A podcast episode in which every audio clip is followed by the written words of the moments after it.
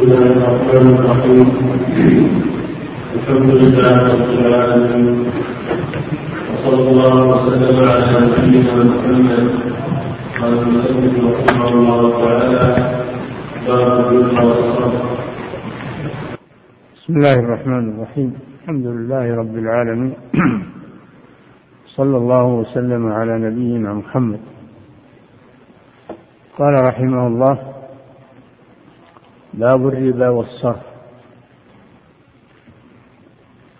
الربا مأخوذ.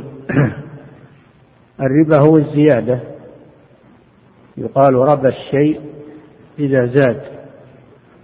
ومنه قوله تعالى في الأرض اهتزت وربت. يعني ارتفع ارتفعت. بعد أن كانت منخفضة إذا جاءها المطر ارتفعت بالنبات ومنه الربوة وهي المكان المرتفع. فالربا هو الزيادة في اللغة. وأما في الشرع فالربا هو زيادة مخصوصة في أموال مخصوصة. هو زيادة مخصوصة في أموال مخصوصة. بينتها سنة الرسول صلى الله عليه وسلم.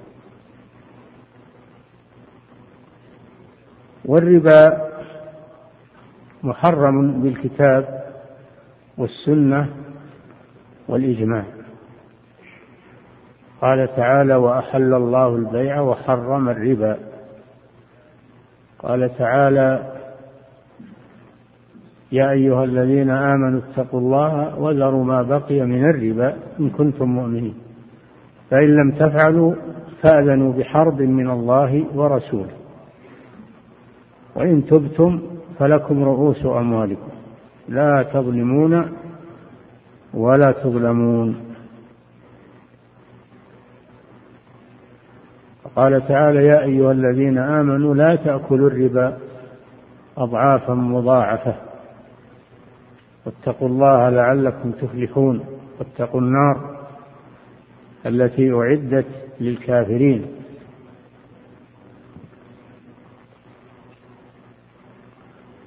والسنة فيها أحاديث كثيرة تحرم الربا وتنهى عنه وتشدد فيه منها قوله صلى الله عليه وسلم لعن الله آكل الربا وموكله وشاهديه و وكاتبه.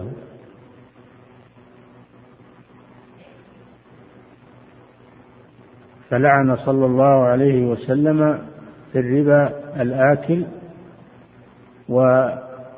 والدافع للربا الآخذ للربا والدافع للربا والموثق للربا بالشهادة أو الكتابة لعن فيه أربعة.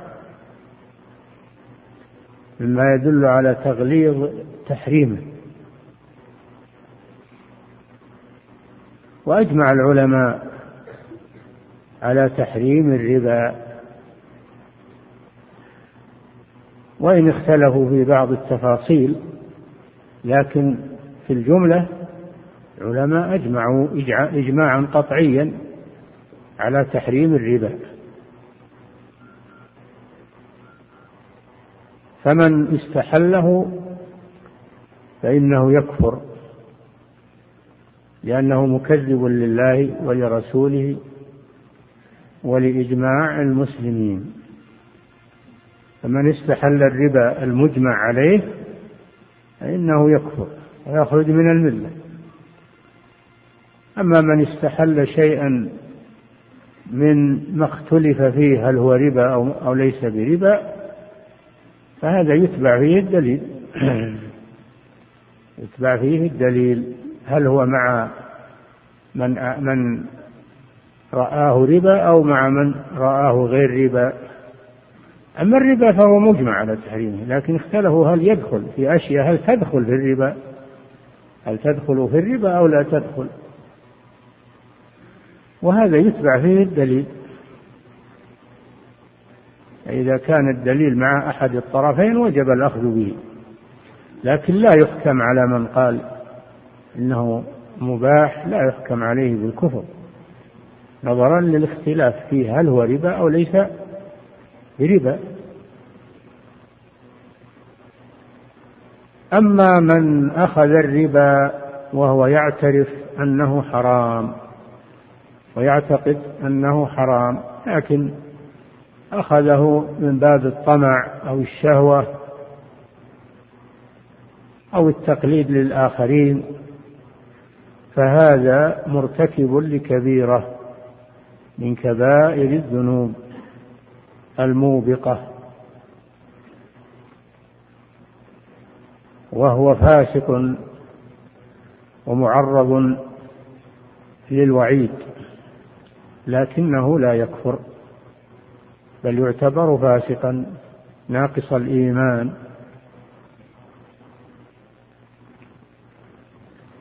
فهذا هو التفصيل في مسألة أكل الربا.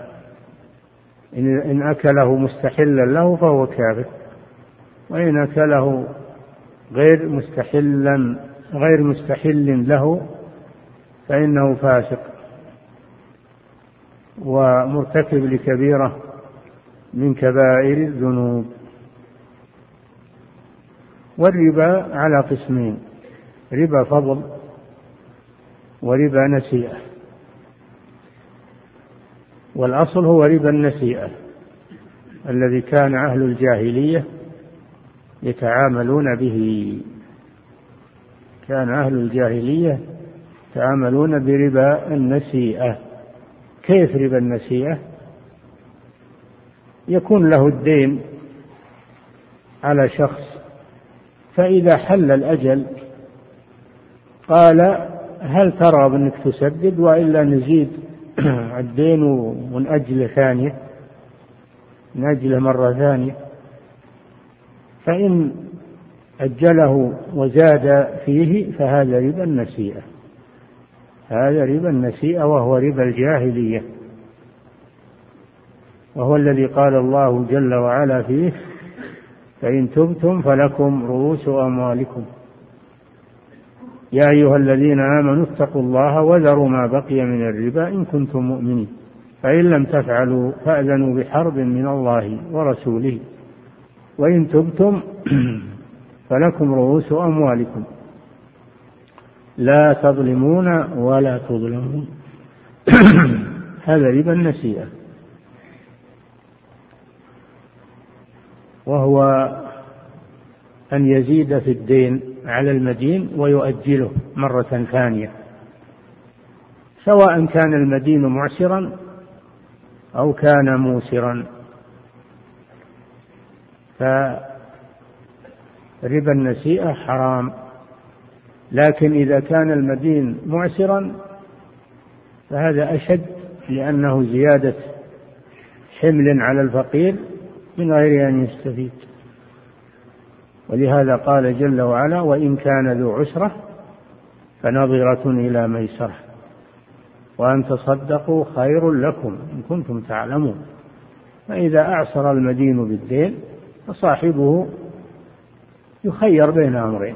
إما أن ينظر ولا يزيد في الدين ينظر ولا يزيد في الدين. نظرة إلى ميسرة.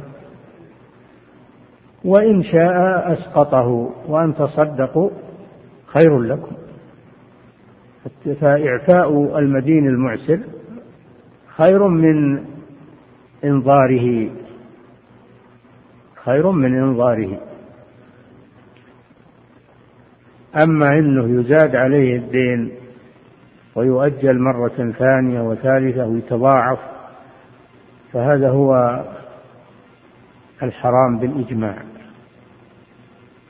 وهو معنى قوله لا تأكلوا الربا أضعافا مضاعفة أنهم كانوا يضاعفونه عليه مرة بعد مرة حتى يبلغ مبلغا كبيرا. هذا ربا النسيئة والنسيئة هي التأجيل هي التأجيل يسمى نسيئة وأنسأه إذا أجله. وأخره. النسيئة هي التأجيل والتأخير. من أحب أن ينسأ له في أثره يعني يؤجل في عمره ويزاد في عمره فليصل رحمه. فالنسيئة هي التأجيل والتأخير.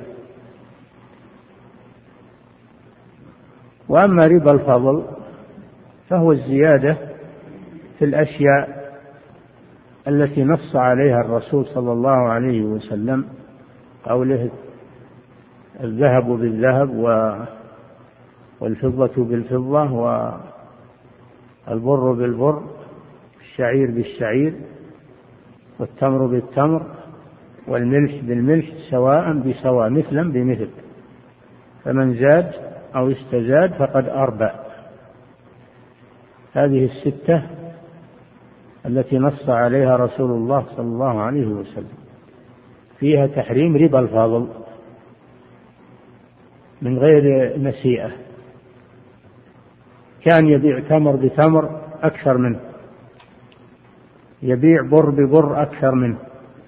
يبيع شعير بشعير أكثر منه. يبيع فضة بفضة أكثر. يبيع ذهب بذهب أكثر. حالا وليس مؤجلا. فهذا ربا الفضل. فإن جعل فيه أجلا اجتمع فيه ربا الفضل وربا النسيئة. فهذا هو ربا الفضل. قد جاء النص عليه في السنة الصحيحة وأيضا هو داخل في قوله وأحل الله البيع وحرم الربا. كلمة الربا عامة لربا الفضل وربا النسيئة. يا أيها الذين آمنوا اتقوا الله وذروا ما بقي من الربا. كلمة عامة لربا الفضل وربا النسيئة. نعم. وقد جاء في الحديث إن إن الدرهم من الربا أن الدرهم من الربا أشد من ست وثلاثين زنية. قال صلى الله عليه وسلم الربا بضع وسبعون حوبا يعني إثما. أيسرها مثل أن ينكح الرجل أمه. الربا شديد التحريم. وخطير جدا. ولكن مع الأسف لما غلب الاقتصاد اليهودي والاقتصاد الكافر على التجارة العالمية صار الربا سائغا عند كثير من الناس لا يبالون به. واليهود هم أهل الربا وأكلهم الربا وقد نهوا عنه. اليهود من الأصل هم أهل الربا. ولما صارت المصارف و وصارت البنوك بأيديهم أسسوها على الربا وعمت البلوى بها ولا يتخلص منها إلا من إلا من اتقى الله سبحانه وتعالى. وهذا مصداق قوله صلى الله عليه وسلم إنه يفشو الربا في آخر الزمان.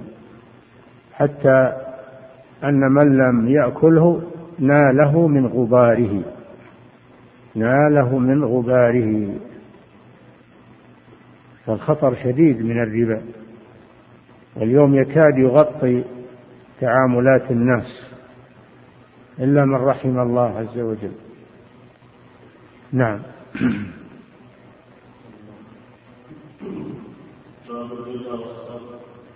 هذا الربا. أما الصرف فهو بيع النقد بالنقد.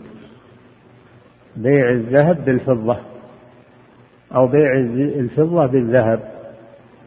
أو تقول بكلمة أعم هو بيع النقد بالنقد سواء كان من الذهب والفضة أو من الورق النقدي فبيع النقد بالنقد سواء من المعدنين الذهب والفضة أو كان من الأوراق النقدية.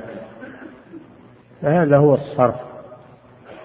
سمي صرفا من الصريف وهو الصوت لأن لأنهم كانوا يضعون النقود في في الميزان فيكون لها صوت يكون لها صوت. فسمي بالصرف من الصريف وهو الصوت. نعم. الخطاب رضي الله عنه قال قال رسول الله صلى الله عليه وسلم الذهب بالذهب قيمة إلا هاء وهاء إلا هاء والفضة بالفضة إلا إلا هاء وهاء والحب بالنور إذا إلا هاء وهاء والشعير بالشعير إذا إلا هاء وهاء نعم. هذه أصناف ذكرها النبي صلى الله عليه وسلم. فقال الذهب بالذهب يعني إذا بيع الذهب بالذهب فإن كان فيه زيادة فهو ربا. فهو ربا. ربا فضل. وإن لم يكن فيه زيادة وفيه تأجيل فهو ربا نسيئة. فيجوز بيع الذهب بالفضة ولا اعتبار للتساوي لأنه اختلف الجنس لكن لا بد من التقابض في المجلس. أما إذا بيع الذهب بالذهب أو الفضة بالفضة حرم أمران التفاضل والتأجيل. فلا بد من التساوي ولا بد من الحلول والتقابض. أما إذا بيع جنس بغير جنسه فإنه يجوز التفاضل ويحرم التأجيل. وقوله صلى الله عليه وسلم فإذا اختلفت هذه الأصناف فبيعوا كيف شئتم يعني متساويا أو زائدا يدا بيد يعني بالتقابض في المجلس. نعم. فالذهب بالذهب. يعني إذا بيع الذهب بالذهب فإنه لا بد من التساوي ولا بد من التقابل. وإذا بيع الذهب بالفضة اختلف الجنس جاز التفاضل وحرم التأجيل. وهكذا في بقية الأصناف. النبي صلى الله عليه وسلم ذكر ستة أصناف في الأحاديث. ستة أصناف. الذهب بالذهب. الفضة بالفضة. البر بالبر. الشعير بالشعير. التمر بالتمر. الملح بالملح. هذه ستة أصناف. هذه ستة أصناف. يحرم فيها الربا سواء ربا الفضل أو ربا النسيئة. وقد اختلف العلماء هل الربا خاص بهذه الستة الأصناف وما عداها فلا ربا فيه؟ هذا قول الظاهرية. الظاهرية يرون أن الربا خاص بهذه الأصناف الستة. أما ما عداها من الأموال فلا يدخله الربا لأن الظاهرية يأخذون بالظاهر ولا يعملون بالقياس. أما الجمهور فقالوا كل ما شارك هذه الستة في العلة التي من أجلها حرم الربا فيها فإنه يأخذ حكمه فيحرم الربا فيه. كل ما شارك هذه الأصناف المذكورة في العلة التي من أجلها حرم الربا فيها فإنه يأخذ حكمها فيحرم الربا فيه. هذا قول جمهور أهل العلم ومنهم الأئمة الأربع لأنهم يقولون بالقياس قياس العلة لكن اختلفوا في تحديد العلة في هذه الأصناف الستة. فعند الحنفية والحنابلة أن العلة في الذهب والفضة الوزن والعلة في الأصناف الباقية الكيل فعلة الربا عند الحنفية والحنابلة هي الكيل أو الوزن. وكل ما يكال أو يوزن فإنه يدخله الربا. نصا في هذه الستة وقياسا عليها في غيرها. وذهب الشافعية إلى أن العلة في النقدين هي الثمنية كونها أثمانا. وليس الوزن وإنما كونها نقود وأثمان النقدية أو الثمنية. وأما العلة في الباقي فهي الطعمية كونها أطعمة. طعمية يعني كونها أطعمة. يأكلها الناس يستطعمون بها ويقتاتونها طيب الملح. الملح هو طعام. قالوا نعم الملح يصلح به الطعام. الملح يأخذ حكم الطعام لأنه يصلح به الطعام ولا يصلح الطعام بغير الملح. فهو, فهو نوع من الطعام.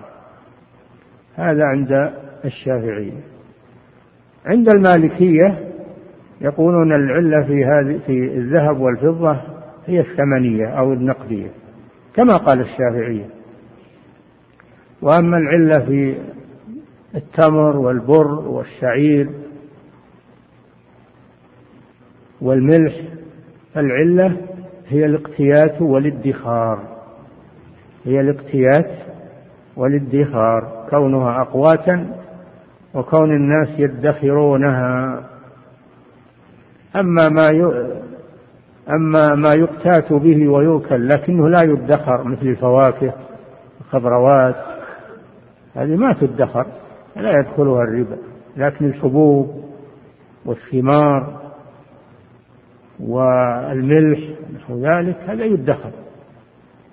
فكل ما يقتات ويدخر من الحبوب والثمار فإنه يدخله الربا. لأن العلة عندهم في في الأطعمة هي الاقتيات والادخار.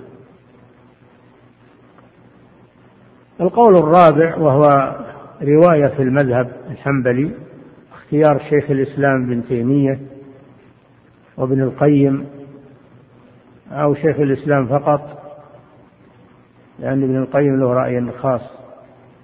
أن العلة في النقدين نعم هي النقدية أو الثمنية كما قال الشافعية والمالكية العلة هي النقدية أو الثمنية.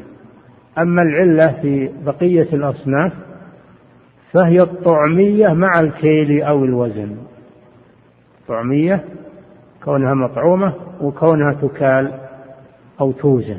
جمعوا بين العلتين فيها هذا اختيار شيخ الإسلام بن تيمية. فكل شيء يتخذ طعاما ويكال ويوزن إنه يدخله الربا. وما, وما ليس كذلك فإنه لا يدخله الربا. هذا حاصل الخلاف في علة الربا في الأصناف الستة التي نص عليها رسول الله صلى الله عليه وسلم. والقاعدة أنه كل على مذهبه أنه إذا أنه إذا اتحدت العلة والجنس مثل الذهب بالذهب والفضة بالفضة والتمر بالتمر اتحدت العلة والجنس فإنه يحرم الربا بنوعيه ربا الفضل وربا النسيئة. أما إذا أما إذا اتحدت العلة واختلف الجنس إذا اتحدت العلة واختلف الجنس فإنه يحرم النسيئة فقط ويباح التفاضل مثل البر بالتمر والذهب بالفضة اختلف الجنس. النبي صلى الله عليه وسلم يقول إذا اختلفت هذه الأصناف فبيعوا كيف شئتم إذا كان يدا بيد يعني من غير تأجيل. وإذا اختلفت العلة واختلف الجنس جاز الأمران التفاضل والنسيئة. جاز الأمران مثل الذهب بالتمر. اختلف الجنس واختلفت العلة أيضا لأن علة الذهب غير علة التمر والجنس مختلف فيجوز الأمران تأجيل ويجوز الزيادة. نعم. وعن ابي سعيد الخدري رضي الله عنه أن رسول الله صلى الله عليه وسلم قال رسول الله صلى الله عليه وسلم قال لا تبيع الذهب بالذهب يعني متساويا. وزنا بوزن سواء بسواء. فمن باع ثلاثة مثاقيل من الذهب بثلاثة مثاقيل ونصف من الذهب هذا ربا. لازم من التساوي. لازم ثلاثة مثاقيل بثلاثة مثاقيل. عشرة بعشرة وهكذا. ما تجوز الزيادة مع اتحاد الجنس. وكذلك في الفضة وكذلك في التمر والبر والشعير و... نعم. لا تبيع الذهب. لا تبيع الذهب. لا تبيع الذهب. نعم. أي نعم. إلا مثلا بمثل يعني من غير زيادة. فلو جئت بحلي وهذا كثيرا ما يقع جئت بحلي قديم تريد بدله حليا جديدا فلا بد من الوزن يتساوى كل من الحليين في الوزن. أما إذا لم يتساويا فهذا ربا فهذا ربا. ولا بد أيضا مع التساوي من التقابض في المجلس لأن هذا بيع جنس بجنسه. نعم.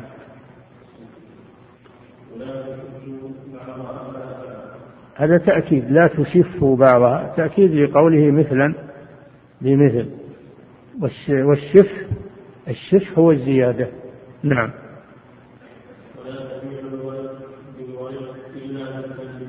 الورق هو الفضة. الورق بكسر الراء هو الفضة. فابعثوا أحدكم بورقكم هذه إلى المدينة. الورق هو الفضة. فلا يباع الفضة بالفضة إلا متساويا. من غير زيادة. نعم. يعني لا تزيد بعضها على بعض. نعم. ها هذا تحريم للنسيئة. حرم الزيادة ثم حرم النسيئة. إذا اتحد الجنس حرم الأمران. الزيادة والنسيئة. نعم.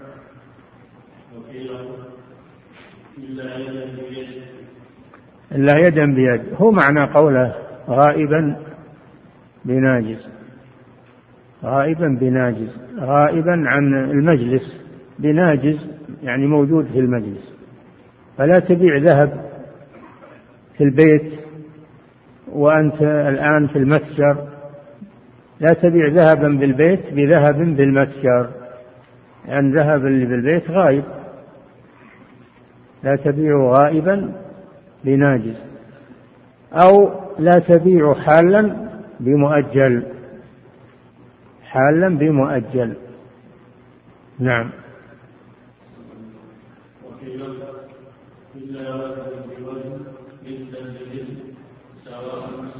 كل هذا تأكيد وزنا بوزن.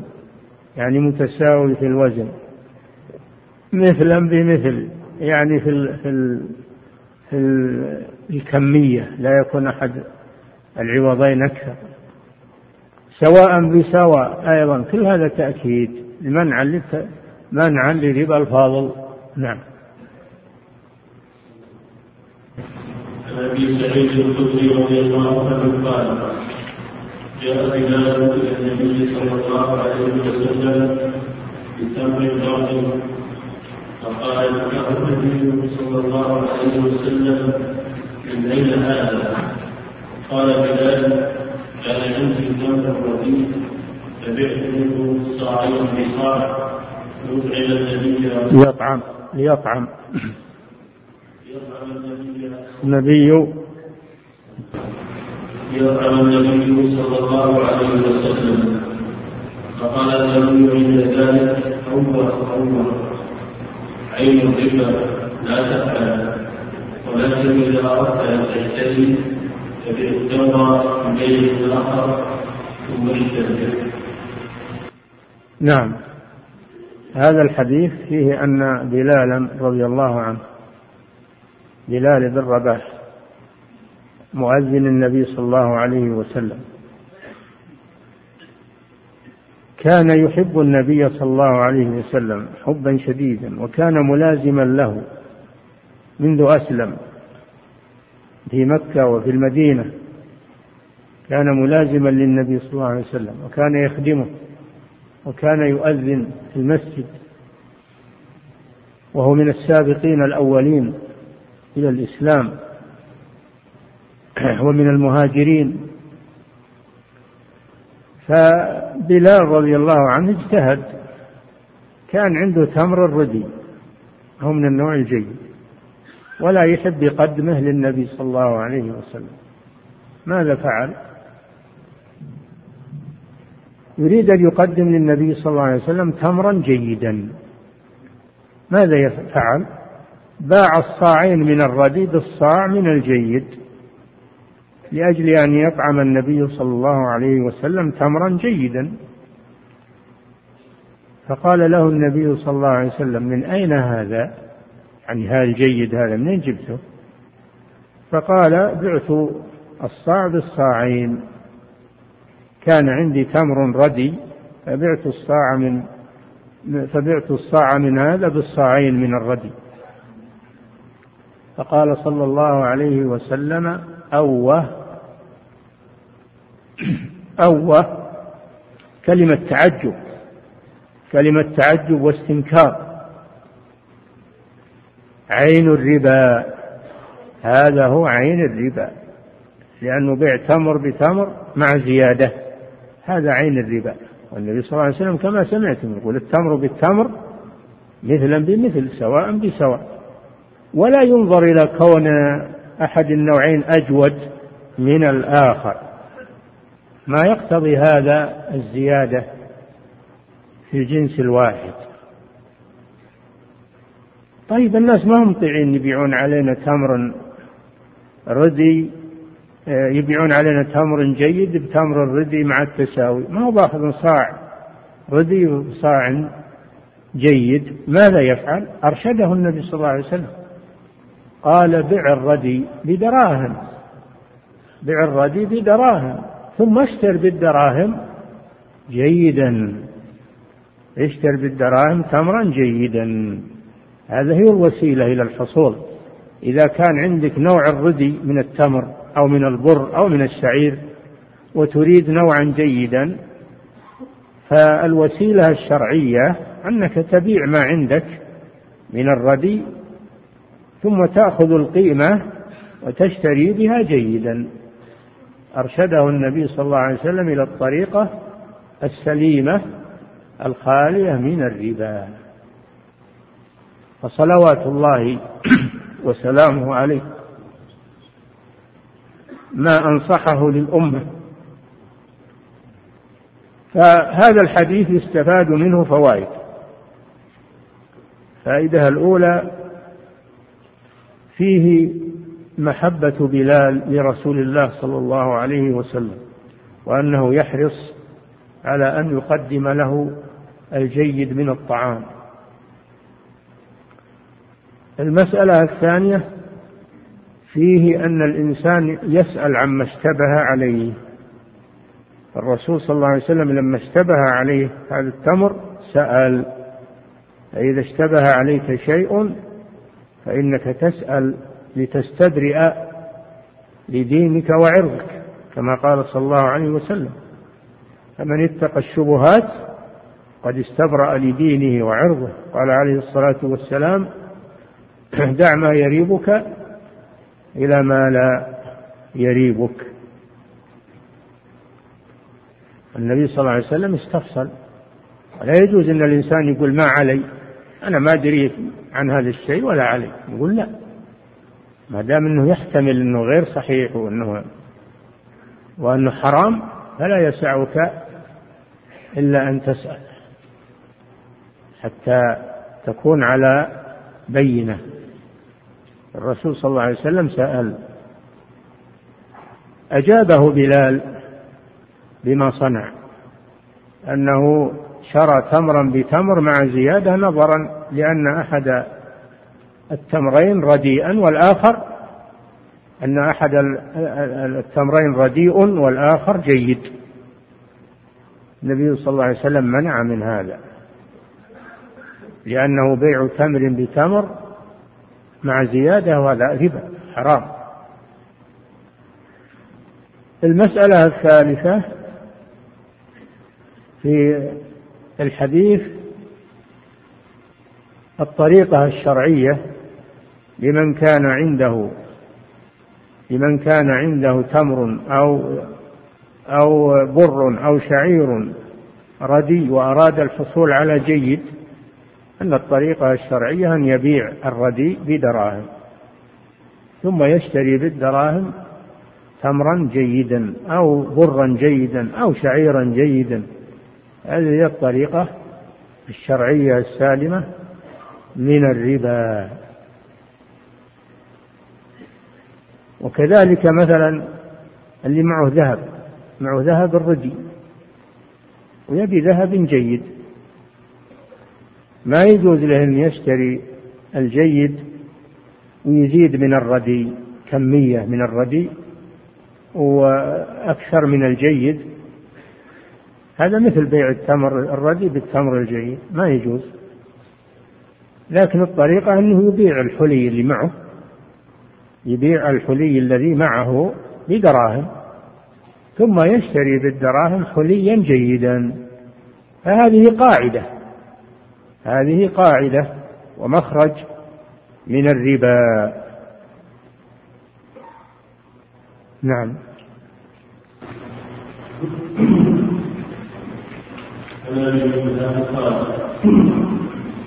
سألت البراء بن عازب وزيد بن ارقم رضي الله عنهما عن الصبر وكل واحد منهما يقول هذا خير مني. وخلافه يقول لها رسول الله صلى الله عليه وسلم أن ليس الذهب بالولد دينا نعم. نعم أعد الحديث.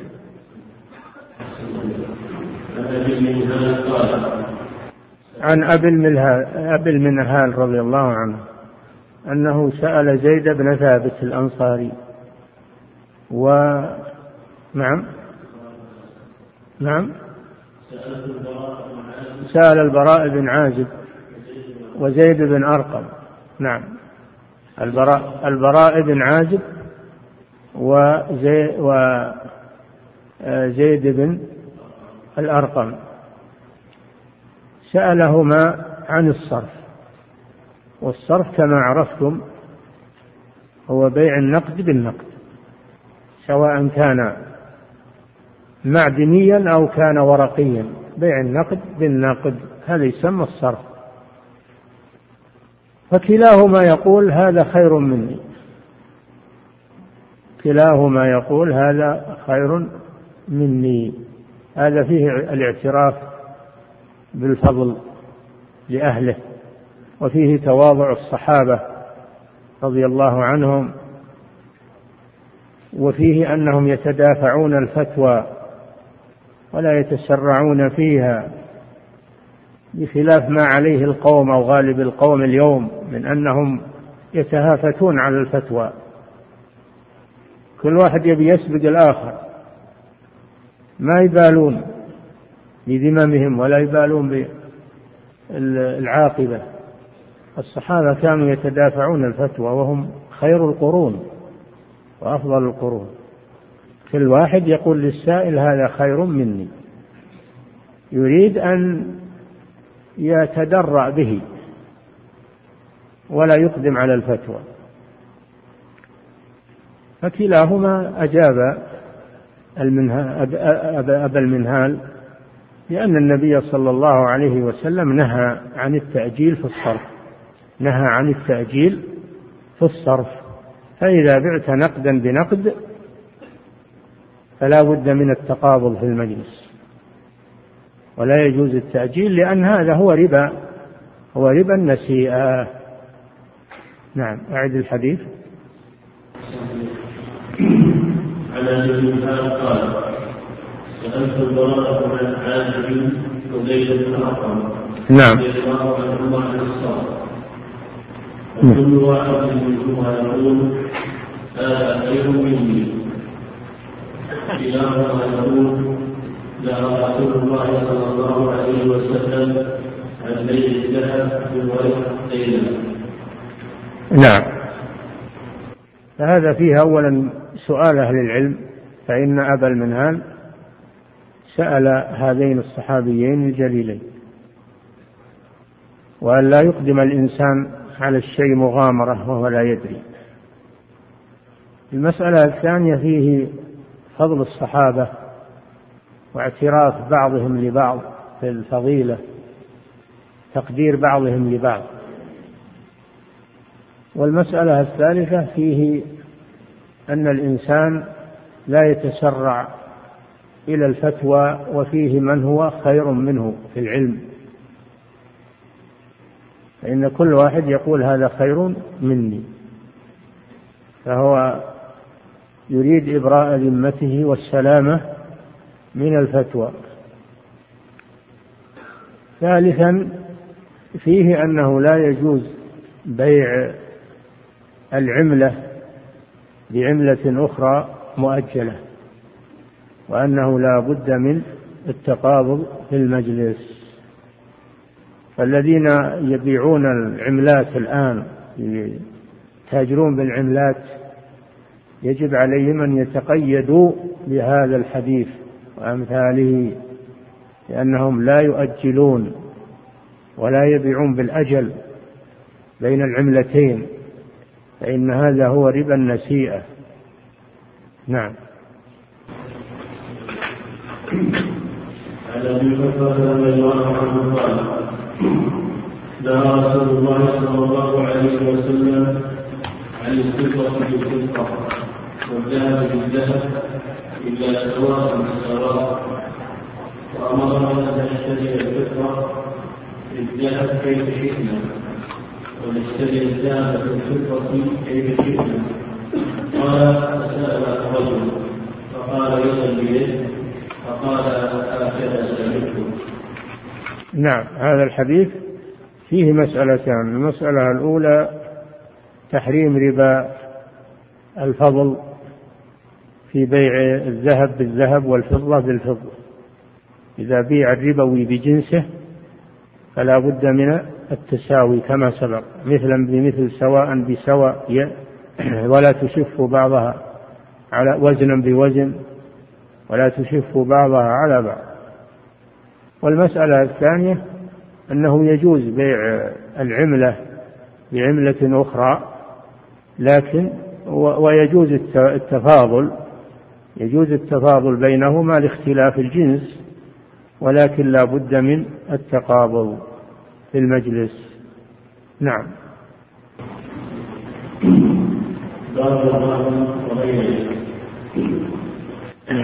نعم الرهن مأخوذ من رهن المكان إذا أقام فيه وبقي فيه. والماء الراهن هو الماء الراكد الذي لا يجري. فالرهن هو الثبوت والاستمرار. والمراد به هنا توثيق الديون. الرهن هو توثيق دين بعين يمكن استيفاؤه منها أو من ثمنها. هو توثيق. هو توثيق. فالله أمر بالكتابة وأشهدوا إذا تبايعتم. يا أيها الذين آمنوا إذا إذا تداينتم بدين إلى أجل مسمى فاكتبوه. هذا توثيق. الكتابة في الديون. ثانيا أخذ الرهن في الديون. هذه وثيقة ثانية. إن كنتم على سفر ولم تجدوا كاتبا فرهان مقبوضة. وفي رواية وفي قراءة فرهن جمع رهن فرهن مقبوضة. فالرهن وثيقة يتخذها الدائن عنده حتى يسدد له دينه. أما إذا عجز المدين أو ماطل بالتسديد فإنه يرجع إلى الرهن. فإن كان من جنس الدين فإنه يؤخذ الدين من الرهن. وإن كان من غير جنسه فإنه يباع الرهن ويسدد الدين من قيمته. وإن بقي شيء فإنه يعطى للراهن لصاحبه. والآية وإن كنتم على سفر ولم تجدوا كاتبا وإن كنتم على سفر ولم تجدوا كاتبا فرهان الآية تدل على أن الرهن إنما يؤخذ في السفر. لكن جاء في الحديث الذي بعده أن الرسول صلى الله عليه وسلم رهن في الحضر رهن درعه عند يهود. دل على أن القيد الذي في الآية ليس مقصودا وأن الرهن يؤخذ سواء في السفر أو أو في الحضر. نعم.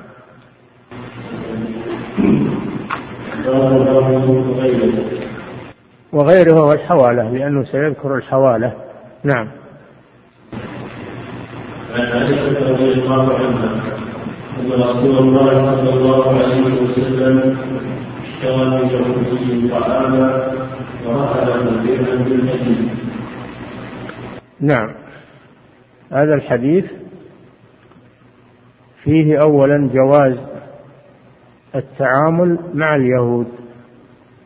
يجوز التعامل مع الكفار البيع والشراء اليهود وغيرهم البيع والشراء. النبي صلى الله عليه وسلم شرى من اليهود.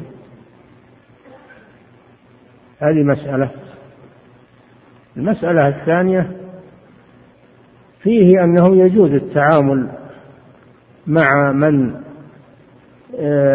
في ماله حلال وحرام لأن اليهود أموالهم مختلطة فيها حلال وحرام. فإذا لم نعلم أن هذا المال من الحرام فإنه يجوز لنا التعامل معهم. بناء على أن الأصل الحل. الرسول شرى من اليهود ولم يسأل الأصل الحل. إلا إذا عرف أن هذا من الحرام فلا يجوز لك أنك تأخذه. المسألة الثالثة فيه ما كان عليه الرسول صلى الله عليه وسلم من ضيق الحال. هو سيد البشر. ولو شاء لسارت الدنيا معه ذهبا وفضة. وهو صلى الله عليه وسلم يأتيه من المغانم ومن الفيء ومن لكن ينفقه في سبيل الله. لا يبقي عنده شيء, شيء أبدا. لا يبقي عنده شيئا أبدا بل كان ينفق الأموال الطائلة في سبيل الله وكان يستدين لأهله عليه الصلاة والسلام. يستدين لأهله. فهذا فيه ما كان عليه صلى الله عليه وسلم من ضيق الحال وأنه يحتاج إلى الاستدانة عليه الصلاة والسلام. وثالثا أو رابعا فيه مشروعية الرهن. مشروعية الرهن. فإن النبي صلى الله عليه وسلم رهن درعه عند اليهود. ففيه مشروعية الرهن. رابعا أو خامسا فيه البيع بالأجل. أنه يجوز البيع بالأجل. فإن النبي صلى الله عليه وسلم اشترى بالتأجيل. فيه من ينكر البيع بالأجل ويقول هذا ربا وهذا لجهلهم بالسنة. هذا لجهلهم بالسنة. فيجوز البيع حالا ومؤجلا. فالنبي صلى الله عليه وسلم اشترى مؤجلا. واستدان على إبل الصدقة مؤجلا. التأجيل عمل به النبي صلى الله عليه وسلم. والآية صريحة يا أيها الذين آمنوا إذا تداينتم بدين يعني بدين مؤجل سواء كان دين سلم أو ثمن مبيع مؤجل أو غير ذلك. فالآية تدل على البيع بالأجل وسنة النبي صلى الله عليه وسلم تدل على البيع بالأجل. وأيضا لا لا بأس بالزيادة لأن البيع بالأجل يكون أكثر من البيع بالحال وصاحب السلعة لا يبيعها مؤجلا إلا بزيادة فلا بأس بذلك. كل هذا مما أباحه الله ويدخل في قوله تعالى وأحل الله البيع. هذا عام للبيع الحال والبيع المؤجل. نعم. وعن أبي هريرة رضي الله عنه أن رسول الله صلى الله عليه وسلم قال مطلوب لم وإذا اتبع أحدكم على من فليتبع نعم هذا الحديث فيه مسألتان. المسألة الأولى تحريم المطل المطل من الغني والمماطلة عدم التسديد للدين إذا حل. فإنه يجب عليه أن يسدد. فإن أخر التسديد فهو مماطل والمماطل يحل عرضه وعقوبته. قال صلى الله عليه وسلم مطل الغني ظلم. يحل عرضه بأن يشتكى عند الحاكم ويقول فلان مماطل فلان يريد أن يأكل حقي وما أشبه ذلك. هذا كلام في عرضه لكنه يحل من أجل الحاجة إلى ذلك.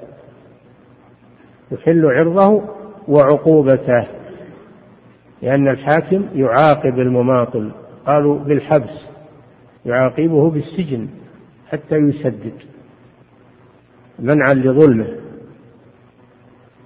أما الغني أما الفقير فإنه غير مماطل. إذا لم يستطع السداد هذا غير مماطل. الرسول يقول مطل الغني. أما غير الغني وهو الفقير اللي ما يستطيع السداد فهذا تأخيره التسديد لا يسمى مماطلة وإنما يسمى معسرا. والله جل وعلا يقول وإن كان ذو عسرة فنظرة إلى ميسرة. فالمعسر لا يحبس ولا يشتكى ولا يطالب. عند القاضي ما يجوز هذا لأنه معسر لكن يجب إنظاره قد يكون أنه يحتاج إلى إثبات العسرة هذا شيء آخر إثبات أنه معسر هذا شيء آخر.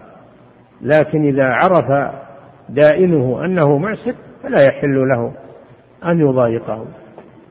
وإذا لم يعلم أنه معسر فإنه يستثبت من شأنه. فإذا ثبت أنه معسر يجب عليه الإنظار. حل عرضه وعقوبته. هذه مسألة.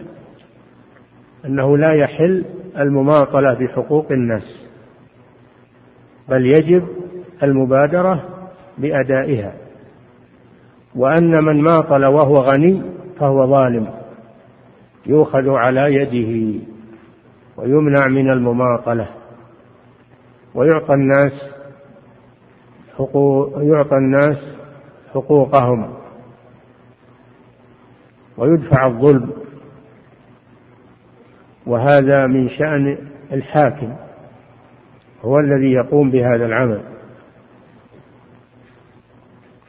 المسألة الثانية في الحديث صحة الحوالة.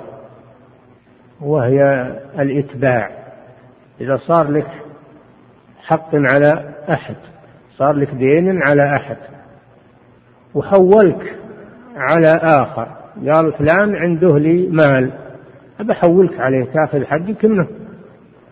وهذا المحال عليه ليس مماطلا. وإنما هو مليء.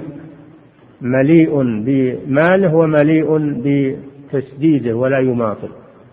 فإذا أحيل على مليء فليحتل يقبل الحوالة. والحوالة مرفق. من المرافق النافعة فهذا فيه مشروعية الحوالة وأن المحال عليه إذا كان مليئا بماله ومليئا بقوله لا يماطل فليس للمحال عذر في القبول لأنه لا ضرر عليه في ذلك. ومن ومن أحيل على مليء فليتبع. نعم. أعد الحديث. عن ابي هريره رضي الله عنه إن رسول الله صلى الله عليه وسلم قال مطلوب يكون. وإذا أتبع احدكم على النبي فليتبع أتبع يعني أحيل. معنى أتبع يعني أحيل على مليء بشرط أن يكون المحال عليه مليئا. فإن كان فقيرا لم يقبل لم يلزم قبول الحوالة عليه. أو كان غنيا لكنه مماطل لم يلزم قبول الحوالة عليه. لا يلزم إلا إذا كان مليئا بالمال ومليئا أيضا بالسداد وعدم المماطلة. نعم. فقوله صلى الله عليه وسلم حين أتبع على مليء يفهم منه. أنه إذا كان المتبع عليه أو المحال عليه غير مليء أنه لا يلزم صاحب الدين قبول الحوالة نعم. يكفي.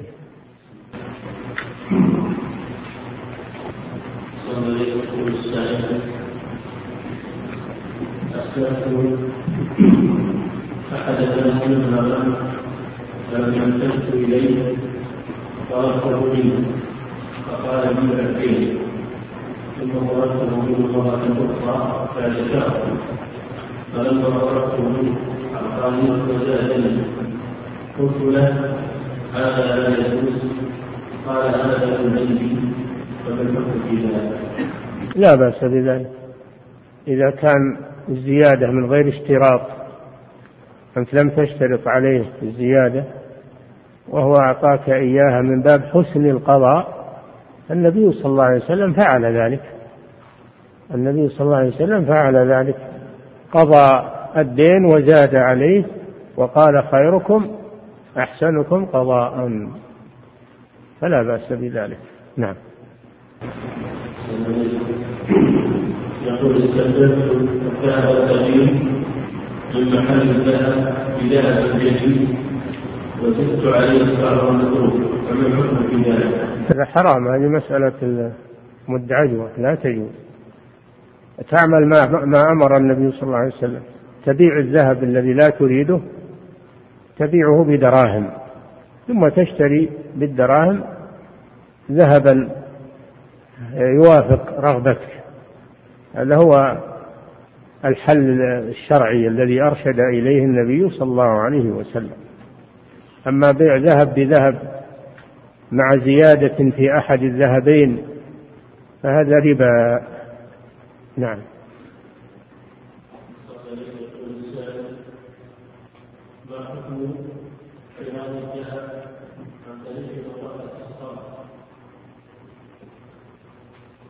ما أدري ما ينطبق على الأحاديث.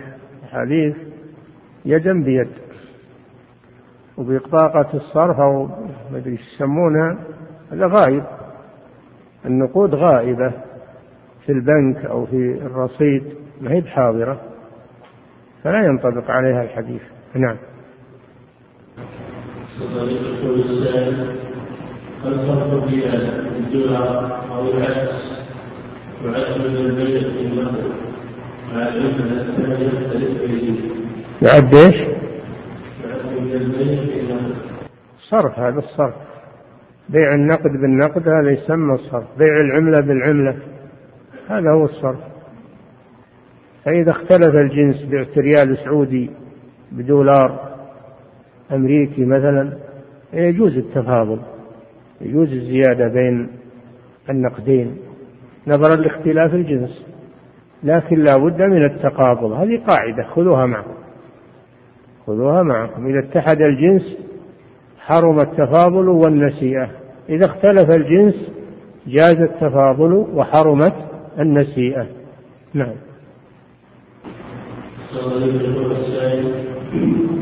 هناك تعامل في الوجود يسمى بالتواضع وهو بين الجنة نوع من ثم تؤكد ثم توكل النفس ببيعه دون ترى تلك المعاني هذا كذب ما هو صحيح ما عندهم معادن.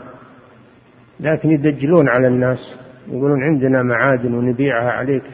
وين هي؟ وكلنا.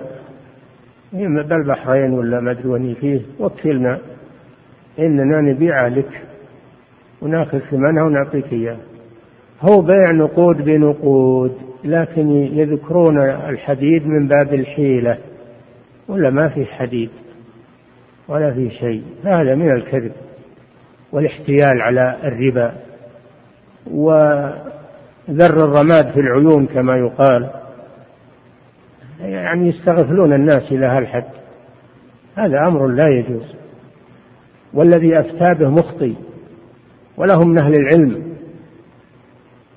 فعلى الناس أنهم يتقون الله في هذه الأمور. نعم.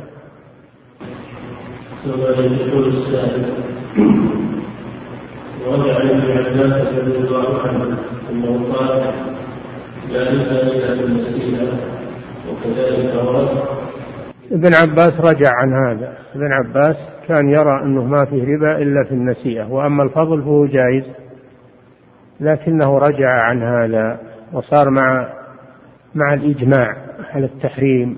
نعم. لما تبينت له الأحاديث تراجع. نعم. يقول السائل هل يدخل ما يسمى في الأصناف الكيماوية ما هنا ذهب أبيض الذهب هو الذهب ما هنا غيره. لكن هذه معادن ثمينة هذه معادن ثمينة ولا تدخل في في مسألة الذهب. إنما تسمى معادن لكنها ثمينة. فيجوز بيعها وشراؤها ولا تدخل في الربا. نعم.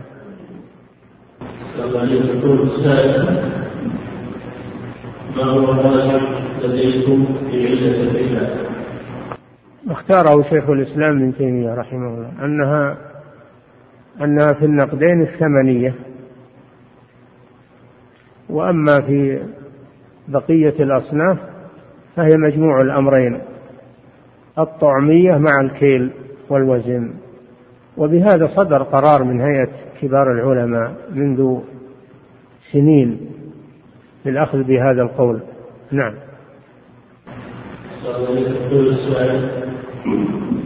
إذا بيع الذهب أو الفضة نعم. يقول إذا بيع الذهب أو الفضة بأوراق نقدية هل يجوز التقارب والتسليمات؟ لا هو هو هو الثمنية العلة الثمنية سواء كانت الأثمان من المعادن الذهب والفضة أو من الورق لأن الورق يقوم مقام الذهب والفضة فهو بديل عنه والبديل يأخذ حكم المبدل. نعم. رجل اشترى ذهبا بقيمة عشرة المشتري سبعة آلاف فقال من زاد بناء على معرفته بعد يجوز فيما سلم ثمنه فقط. وأما ما لم يسلم ثمنه فإن البيع باطل. فيصح البيع فيما سلم ثمنه في المجلس. وأما ما لم يسلم ثمنه فهو باطل. نعم.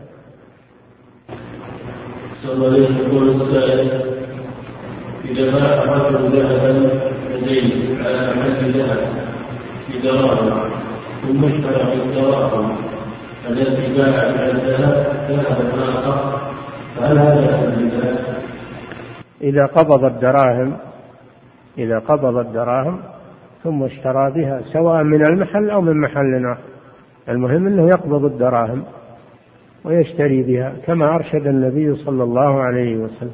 نعم.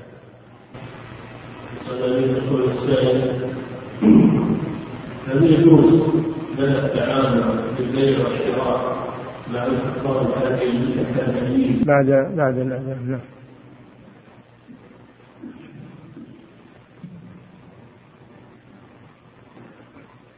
صلاة القائمة نعم صلى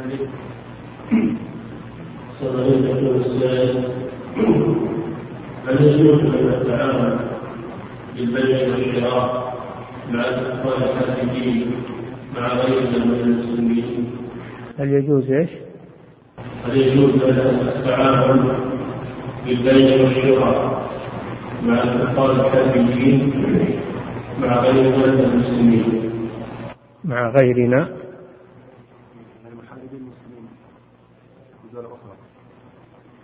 المسلمين لا يكونوا محاربين يا أخي. المحارب هو الكافر الذي ليس بيننا وبينه عهد. هذا هو المحارب. الكافر الذي ليس بيننا وبينه عهد. أما المسلم فهو أخونا. سواء كان في بلدنا أو في بلد الكفار هو أخونا وليس محاربا. نعم.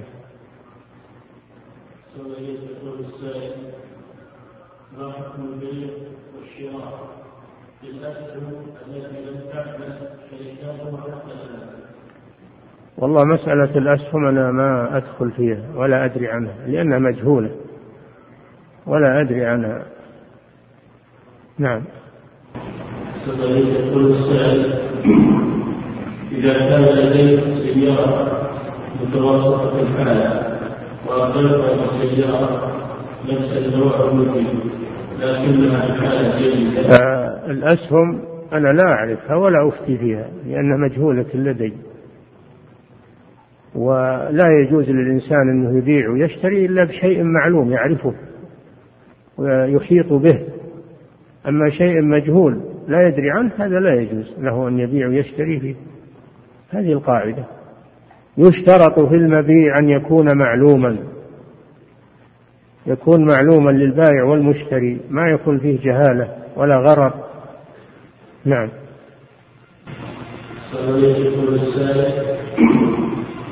إذا كان لديك سيارة متوسطة الحالة وتترك السيارة نفس النوع والموديل لكنها حالة جيدة سواء زيادة أو بدون زيادة لا بأس بذلك وأحل الله البيع. والسيارات ما يدخلها الربا. يجوز تبيع سيارة بسيارتين بثلاث في مانع. وحال ومؤجل ما يخالف. نعم.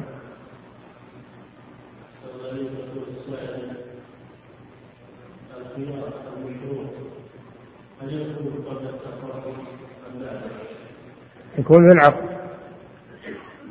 الخيار المشروط لا بد أن يكون في العقد. جميع الشروط لا بد أن تكون مصاحبة للعقد أو قبله بيسير. نعم. أما الشروط اللي تأتي بعد العقد إنها لا تلحق العقد ولا تصح. نعم.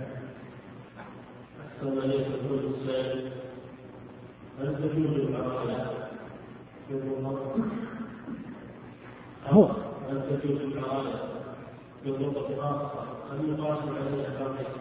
لا في الرطب خاصة لأن الرخصة تقتصر على ما وردت فيه لأن الأصل المنع. بيع بيع الرطب بالتمر الأصل المنع لعدم التساوي. لكن رخص فيه للحاجة ويقتصر على موضع الرخصة فقط وهو الرطب نعم.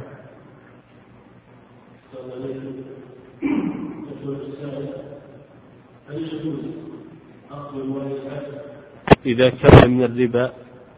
أخذ إيش؟ أخذ مال العبد. العبد؟ نعم. ما يجوز أخذ الربا مطلق. لا من مال العبد ولا من غيره. إذا علمت علمت أنه ربا لا يجوز لك أن تأخذه. ولما جاء غلام أبي بكر رضي الله عنه بطعام وأكل منه أبو بكر ثم بين غلام عن كهانة في الجاهلية تقيأه أبو بكر رضي الله عنه. ما يقال هذا مال العبد أو كسب العبد لا يجوز. الحرام لا يجوز. لا يجوز لك أنك تأكل الحرام أو تأكل الحرام. نعم. أحسن الله لك يقول السائل يختلف سعر التمر بحسب أنواعه فهل يدخل في الربا؟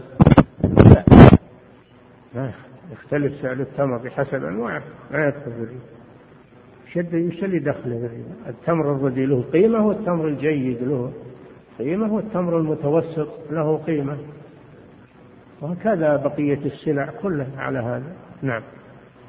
أحسن الله إليك. يقول السائل هل يجوز اشتراط النفع في باقي المعاملات كالهبة والوصية وغيرها؟ اشتراط إيش؟ النفع. اللي ما ينفع وش ضرره وشلون تهديه وهو ما ينفع؟ ما فيه نفع. هذا عبث. لا بد من شيء ينتفع به. ينتفع به. أما الشيء اللي ما ينتفع به هذا لا تتصدق به ولا تهديه ولا تبيعه ما يجوز بيعه لأنه ما في فائدة نعم. أحسن الله إليك. يقول السائل ذكرتم أن الصحابة في جماعتهم معصومين.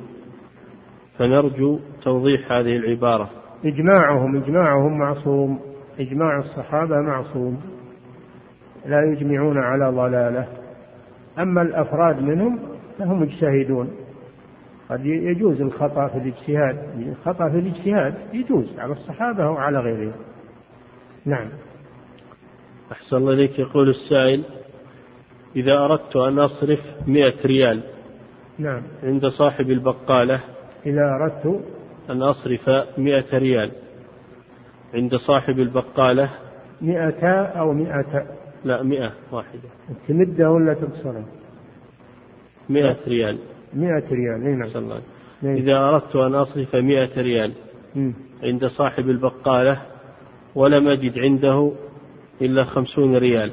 خمسين. إلا خمسين ريال وقال الباقي تأتي مرة أخرى وتجده. لا ما يصلح هذا. ما يصلح هذا. تروح وتصرفها عند غيره وتجي وتسدد له. أما أنه يأخذ بعض حقه تأخذ بعض حقك وتأجل الباقي هذا صرف ما يجوز. ما يصرف جميع ولا يترك جميع. نعم. أحسن الله إليك. يقول السائل رجل احتلم قبل صلاة الفجر بدقائق بسيطة فما العمل؟ هل يغتسل؟ علما بأن الصلاة ستفوته أو يتوضأ. لا بد يغتسل ولا يجوز له يصلي وهو على جنابة. ما تصح منه الجنابة. وإن كنتم جنوبا فاطهروا. بعد قوله إذا قمتم إلى الصلاة فلا بد من التطهر. ولو فاتته الجماعة يعذر بترك الجماعة. إذا ما أمكنه أنه يغتسل ويدرك الجماعة هو يغتسل ويصلي وحده. لأنه معذور بترك الجماعة. نعم. هل يجوز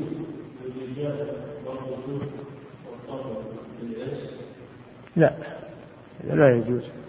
الأصل أن الطبل والدف أنه من اللهو وقد أبيح منه للنساء ليلة الزفاف لأجل إعلان النكاح. أبيح لأجل إعلان النكاح للنساء فقط فيما بينهن أيضا ولا يظهر للناس يسمعونه في الشوارع أو بواسطة مكبر الصوت أو بالمسجل كل هذا لا يجوز إنما هو صوت مجرد بين النساء ويقتصر على الحاجة فقط لإعلان النكاح. نعم. توفي ابن عم وعن العم الآخر عشاء عند توفي إيش؟ ابن عم اي نعم. وعن العم الآخر عشاء عند الميت هل يجوز الحضور في هذا العشاء أم أنه يعد من الجمع المحرم؟ إذا كان العشاء يعده أهل الميت هذا من النعي ولا يجوز. لا يجوز أن أهل الميت يصنعون الطعام الناس وينادونهم. هذا من من النياحة كما قال جرير بن عبد الله كنا نعد صنعة الطعام والاجتماع إلى أهل الميت من النياحة. لكن إذا صنعه أحد وأهداه لهم نظرا لحاجتهم فلا بأس بذلك. كما أرشد النبي صلى الله عليه وسلم بقوله اصنعوا لآل جعفر طعاما فإنهم أتاهم ما يشرب فعمل الطعام على قدر حاجتهم وإهداؤه لهم. هذا من السنة. أما أنهم هم اللي يعملون الطعام هذا من البدعة. نعم. يقول السائل رجل باع حقه له بشرط أن يسكن ان يسكنها اسبوعا في السنة معلومه هذا الأسبوع أو إذا كانت السكنة معلومة محددة فلا بأس. جابر كما مر بنا باع جمله واشترط حملانة إلى المدينة اشترط نفعه وحدد المسافة. فإذا حدد الأيام التي يسكنها فلا بأس سواء كانت في سنة أو في سنوات. مهم أن تكون معلومة. نعم. يقول السائل حكم هذه الإقامة؟ يقول الشيخ الهمام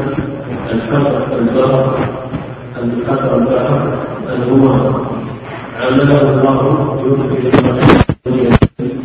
بجاه سيد المرسلين. يفسده الأخيرة هذه ولا الأول لا بأس لكن أفسده بهذه الكلمة بجاه هذا بدعة لا يجوز. لا يجوز للتوسل بالجاه ولا بالحق ولا الشخص. نعم.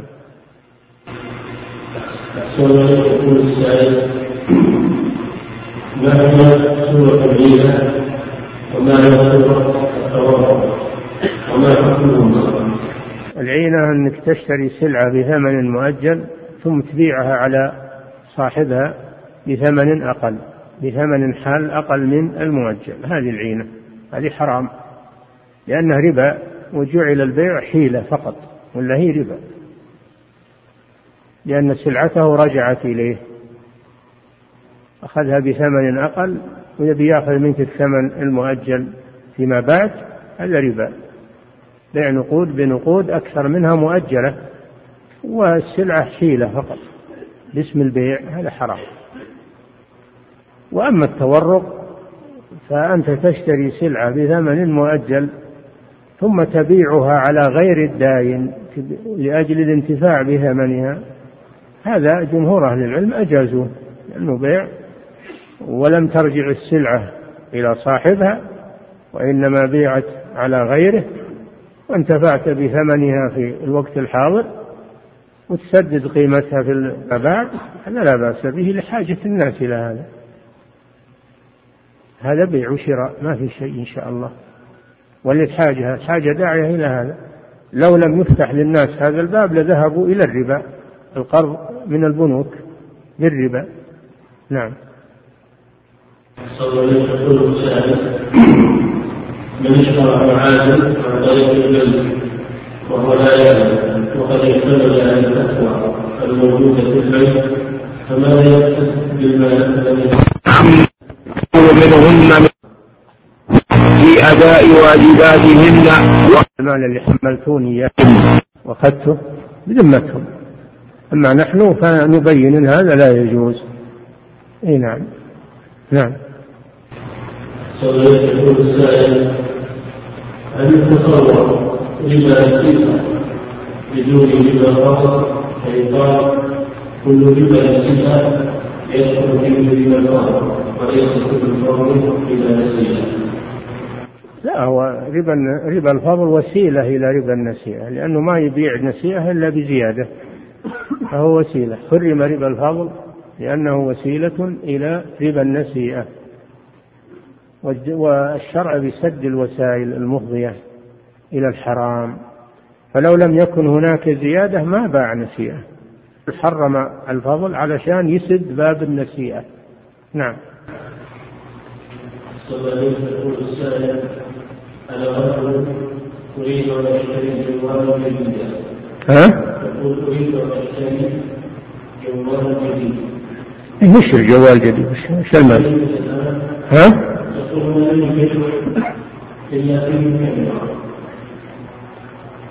إلا لا تستعمل الكاميرا أزلها اشتري الجوال وأزل الكاميرا إن كان تستطيع إزالتها وإن كان ما تستطيع إزالتها ولا في غيره ما تجد غيره أبدا فلا تستعمل الكاميرا اعتبرها غير موجودة. نعم. والله تعالى أعلم وصلى الله وسلم على نبينا محمد.